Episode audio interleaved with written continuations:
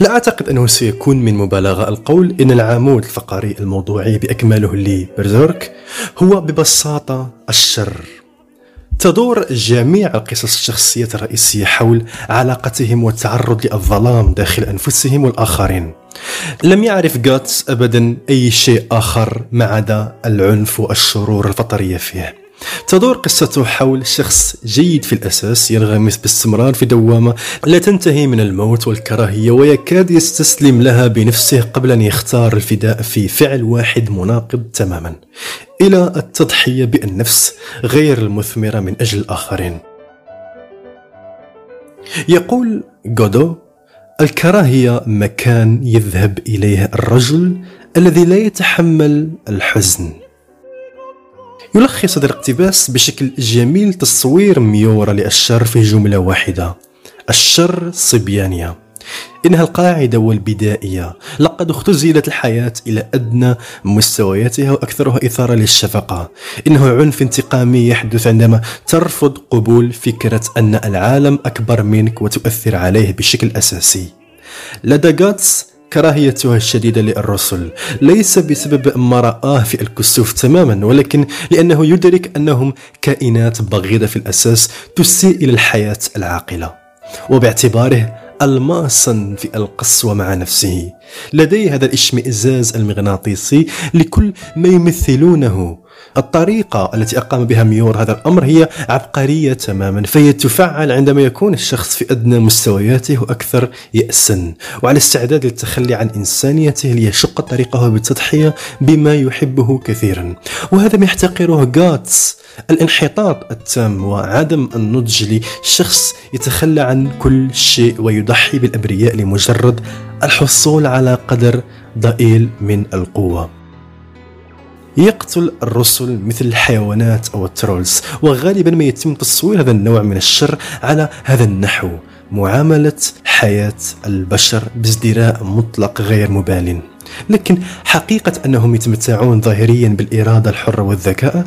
على عكس الترولز الذين يجهلون أي قانون أخلاقي وهكذا يرتكبون أعمالا شريرة لا توصف عن طريق الصدفة ويجعلهم هؤلاء الرواسب الضارة تماما للحياة مع عدم ترك أي شيء سوى الشر لتقديمه للعالم. القيام بعكس ما فعله غاتس مع كاسكا قتل الأبرياء واغتصابهم دون سبب منطقي على الرغم من أنه لا يوفر لك أي شيء ذي قيمة على الإطلاق. يبدو أن الناس معجبون بزود ويريدون منه أن يكون المرآة نوعا ما. لكن أولئك الذين يقولون ذلك لا يبدو أنهم يدركون أن ذلك سيكون متناقضا تماما مع كل شيء هو الحواري نفسه. هم بالضرورة غير قادرين على فعل أي شيء جيد. هذا ما يعنيه تخلي عن إنسانيتك. الزود هو لا قيمة له تماما مثل البقية وسوف يقتله غاتس إن حدث. لحسن الحظ دون تفكير ثان ولا ينبغي لأحد أن يدخر كلمة واحدة من التعاطف معه. هذا جزء كبير مما يجعلهم مزعجين للغاية بالنسبة لي. كائنات من الشر القاتم الخالص. حتى شخص مثل لوكاس الذي لا يزال يرتدي زي الإنسانية ويتنكر في صورة فارس بطولي ولكنه مجرد فراغ المتناهي الذي لا نهاية له من الداخل.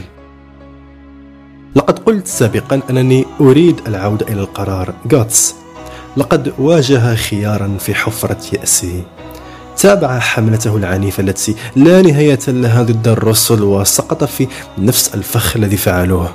وهو أحد الأوهام الطفولية للانتقام والفاعلية حيث يتظاهر بأنه يتحكم في أي شيء من خلال تأكيده على العالم من خلال العنف أو اتخاذ خيار غير عقلاني لتقييد نفسه إلى شخص أخرس عديم جدوه. من المحتمل أن يقتل كلاهما عندما يعلم أنه لا توجد فرصة على الأرجح للعودة إلى كاسكا التي يعرفها. لقد تخلى عن طيب خاطر عن الواسطة والقوة لرعاية شخص لا يستطيع الاهتمام بنفسه. يتم تصوير غاتس في وقت مبكر من برزيرك بشكل أساسي على أنه رسول بشري هذا المهووس الغاضب الهائج الذي ليس له هدف أسمى ينغمس في إراقة الدماء السادية والمتعة بالطبع الأشخاص الذين قتلهم كانوا يستحقون ذلك. لكن على الرغم من ذلك ككائن عاقل في هذه المرحلة لم يكن أعلى بكثير مما كانوا عليه لأنه كان يتبع نفس الدوافع البدائية مثل حيوان بري. لقد بدأت شخصيته في التحول الأخير عندما ينقذ كاسكا. أشعر أنني لا أستطيع حقا تقليل من حجم ما يمثله هذا الإجراء بشكل رمزي. لكن جرب هذا. هذا القرار يجعل غاتس كائنا أعلى وأكثر تقدما من كل يد الإله. الطريقة التي يكون بها الإنسان أعلى من الوحش. أزل سيطرتهم الميتافيزيقية على الواقع واللغة المنمقة وستحصل فقط على نفس الأطفال العدميين مثل الرسل والذي يتضح بشكل أفضل في عقل جريفيث المتقزم. لم يتغير الشيء عنه بشكل جذري عندما أصبح فيمتو. لقد حصل لأتو على قوى خارقة رائعة. في الواقع لقد تراجع بشكل أعمق إلى طموحه الغامض الذي لا هدف له من أجل الطموح. مثل طفل صغير يريد جميع الألعاب على الرغم من أنه يعرف أنه لا يستطيع اللعب بها جميعا إلا أنه لا يزال يشاركها لأنه يريد فقط. غريفيث لا يعرف حتى ما يريد وكذلك فيمتو لا يعرفه. إنه حرفيا طفل متضخم مع كل القوة في العالم وهذا ما أراده غانيشكا أيضا. كانوا يسحبون الخيط الأكثر جاذبية وتدميرا في النفس البشرية. أغنية صفارة الإنذار التي لا هدف لها. القوة على ماذا؟ غاتس كان لديه إرادة تمتد إلى الجانب الآخر وتتعارض بشكل مباشر مع إرادته. لم يكن في نهاية المطاف مسيطرا على غاتس على الإطلاق لذلك كان بحاجة إلى التعويض. بالسيطرة على شخص آخر. إذا جردت كل شيء ماديا ووضعت غاتس وغريفيث معا في معركة إرادات مجردة في أعماق العالم النجمي والتي قد تحدث في الواقع مثل معركة أخيرة للعقل مقابل العقل. سيكون غريفيث مجرد هذا الوحش المنكمش الذي يغلي بلا شيء لكن الجشع والكره غير متبلور مثل فولديمورت في هاري بوتر. في هذه الأثناء يتخذ غات هذا القرار الحاسم لتأكيد إنسانيته. لقد نفى نفس الطبيعة البدائية التي يتكون منها كيان غريفيث بالكامل. نفى السعي الطفولي للقوة والسيطرة على جميع الألعاب في العالم. هذا يرفعه إلى مرتبة أعلى من الوعي لأنه قادر على تناقض دوافعه الأنانية والحيوانية من أجل شخص لا يمكنه الرد بألمثل أو إعطائه أي شيء في المقابل. كاسكا عندما كانت بلا عقل فهو أمر مهم أيضا هنا لأنه لا يوجد شيء متعلق بالمعاملات عن بعد حول غاتس الذي يعتني بها. لا يوجد أي شيء فيه حرفيا. يمكن أن يجعل حياته أكثر صعوبة لكنه يفعل ذلك على أي حال. هذا هو عكس كل شيء يمثله فيمتو. لقد فعل غاتس المضاد. المضاد من البهليت من خلال التضحية بالقوة لتصبح أكثر إنسانية وأكثر إحسانا للآخرين. وغني عن القول إنني أعتقد أن نظرية استخدام غاتس للبهليت للتغلب على جريفيث هي غبية جدا جدا. فقد اتخذ هذا القرار بالفعل وذهب بوضوح في الاتجاه الآخر. اختار الإنسانية. بالطبع سأكون مقصرا إذا لم أذكر أن جريفيث والرسل الآخرين هم حقا شخصيات مثيرة للشفقة في النهاية. لقد كان جريفيث إنسانا بعد كل شيء وفي العصر الذهبي نرى حقا صراعه الداخلي حيث أن عاطفته تجاه غاتس كادت تجعله يعيد النظر في طموحه الذي لا طائل من ورائه. لكن في النهاية لم تكن تلك المودة حقيقية لأنه كان مرتبطا كليا بكون غاتس كائنا تابعا لجريفيث لفترة من الوقت كان كل شيء مرتبكا لأنهم كانوا في سياق متفوق ومرؤوس ولم يكن هناك صراع ولكن بمجرد أن تحطم هذا الوهم انهارت الجدران وأدرك جريفيث أنه لم يكن لديه غاتس على المقود. كان يعتقد أنه فعلها. وبالنظر إلى الحالة الطارئة فهذا يعادل إدراك أن العاطفة لم تكن حقيقية في المقام الأول. بعض أكثر المشاهد المروعة في العصر الذهبي هي لجريفيث أثناء الكسوف. في حالته الهزيلة التي أعقبت التعذيب حيث يقاوم آخر إنسان من إنسانيته الكسوف المستمر في محاولة للتواصل مع مشاعره تجاه غاتس في ذلك الوقت اللحظة الأخيرة.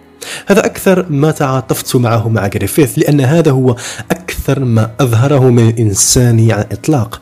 أنه على الرغم من كل معاناه كل الكراهية العميقة التي يخيم عليها بلا شك والفساد الأساسي لنفسيته لا يزال لديه الإنسانية للوصول لمحاولة مساعدة الصديق الوحيد الذي لديه على الإطلاق. لكن في النهاية الأمر أكثر من لازم. لقد سقط على الحافة. اعتقدت أن تلك اللمسة الصغيرة كانت قوية بشكل لا يصدق. لقد كان لدى الرسل أيضا ذات مرة إنسانية بداخلهم ولم يكونوا دائما الأرجاس التي اختزلوا فيها. كل هذا يصل إلى ذروته في فكرة الشر. أستطيع أن أرى لماذا شعر ميور أن هذا كان متسرعا بعض الشيء وربما يكون موضوعيا أكثر من اللازم. لكنه يلخص كل شيء بشكل مثالي. خلقت البشرية الشر من أجل وهم السيطرة وهي آلة ذاتية التكاثر تستمر في التحول إلى الشر. أود أيضا أن أشير إلى أن هذا هو المكان الذي تتعثر فيه عمليات التزييف الغامضة. إنهم يرون العدمية والشر ويعتقدون أن هذه هي النقطة أن الإنسان يحث لو أن الطبيعة البشرية فاسدة بطبيعتها. الرسالة الأساسية لبرزورك والمغزى هي عكس ذلك تماما إنها حقا متفائلة جدا. وبالتأكيد لا تمثل شيء من الهراء مثل قراءة شخص مراهق أو الذين يتشدقون بالقراءات لنيتش ولغيره من الفلاسفة. يمثل غاتس البشرية جمعاء. ولهذا السبب يحمل هذا العلم بفخر إلى المعركة والنضال ضد الرسل. متسخ مصدوم ملطخ بالدماء غالبا ما يسقط في اليأس ويعبث مع تدمير الذات. ولكن تحت كل ذلك كل ما فعلناه كجنس خاطئ هناك ضوء لا ينطفئ من النور الساطع العميق العميق. بغض النظر عن مدى سوء حصول الأشياء. وفي نوات فكرة الخير تلك هي قدرة البشر على أن يكونوا نكران الذات والتضحية بقوتهم الخاصة. ورغباتهم وأهوائهم وواسطاتهم الخاصة للتخلي عن السيطرة الضئيلة التي يمتلكونها على تيار المصير الذي لا يرحم لرفع مستوى شخص آخر والمساعدة في تزويده ببعض الكرامة التي يستحقها كل إنسان. أيضا لدي كراهية شخصية لقصص الانتقام السريعة لأسباب آمل أن تكون واضحة الآن، ومع ذلك ما زلت أحب برزيرك لأن برزيرك هي أفضل قصة مناهضة أو معادية للانتقام. سوف يكره الناس ذلك ولكن إذا انتهى برزيرك دون أن يلتقي غاتس وغريفيث مرة أخرى فسيكون ذلك جيدا من حيث الموضوع. إن نمو شخصية غاتس حتى الآن يتعلق بنضجه ونموه مما يعني تحقيق السلام مع حقيقة أنه لا يتحكم في الأشياء التي قد يخدع نفسه بها للاعتقاد بأنه يفعلها مثل قتل الإله حرفيا وهو تعريف الضلال. لا أريد أن يكون لدى غاتس بعض القتل النهائي الملحمي والسادي البداس لغريفيث وأي شخص يفكر في ذلك يعلق كثيرا في هراء المعاقب من القرون الوسطى ويفتقد تماما مغزى هذه القصة. تحياتي لكم. ولمن يريد أن يدعم القناة على حسابي في منصة باتريون سأكون متشكر لكم. وانضموا إلى القناة شاركوا محتوى القناة لأنه محتوى قناتي يركز كثيرا على القصص. فأتمنى أن تكونوا قد استمتعتم بهذا الفيديو. إلى اللقاء.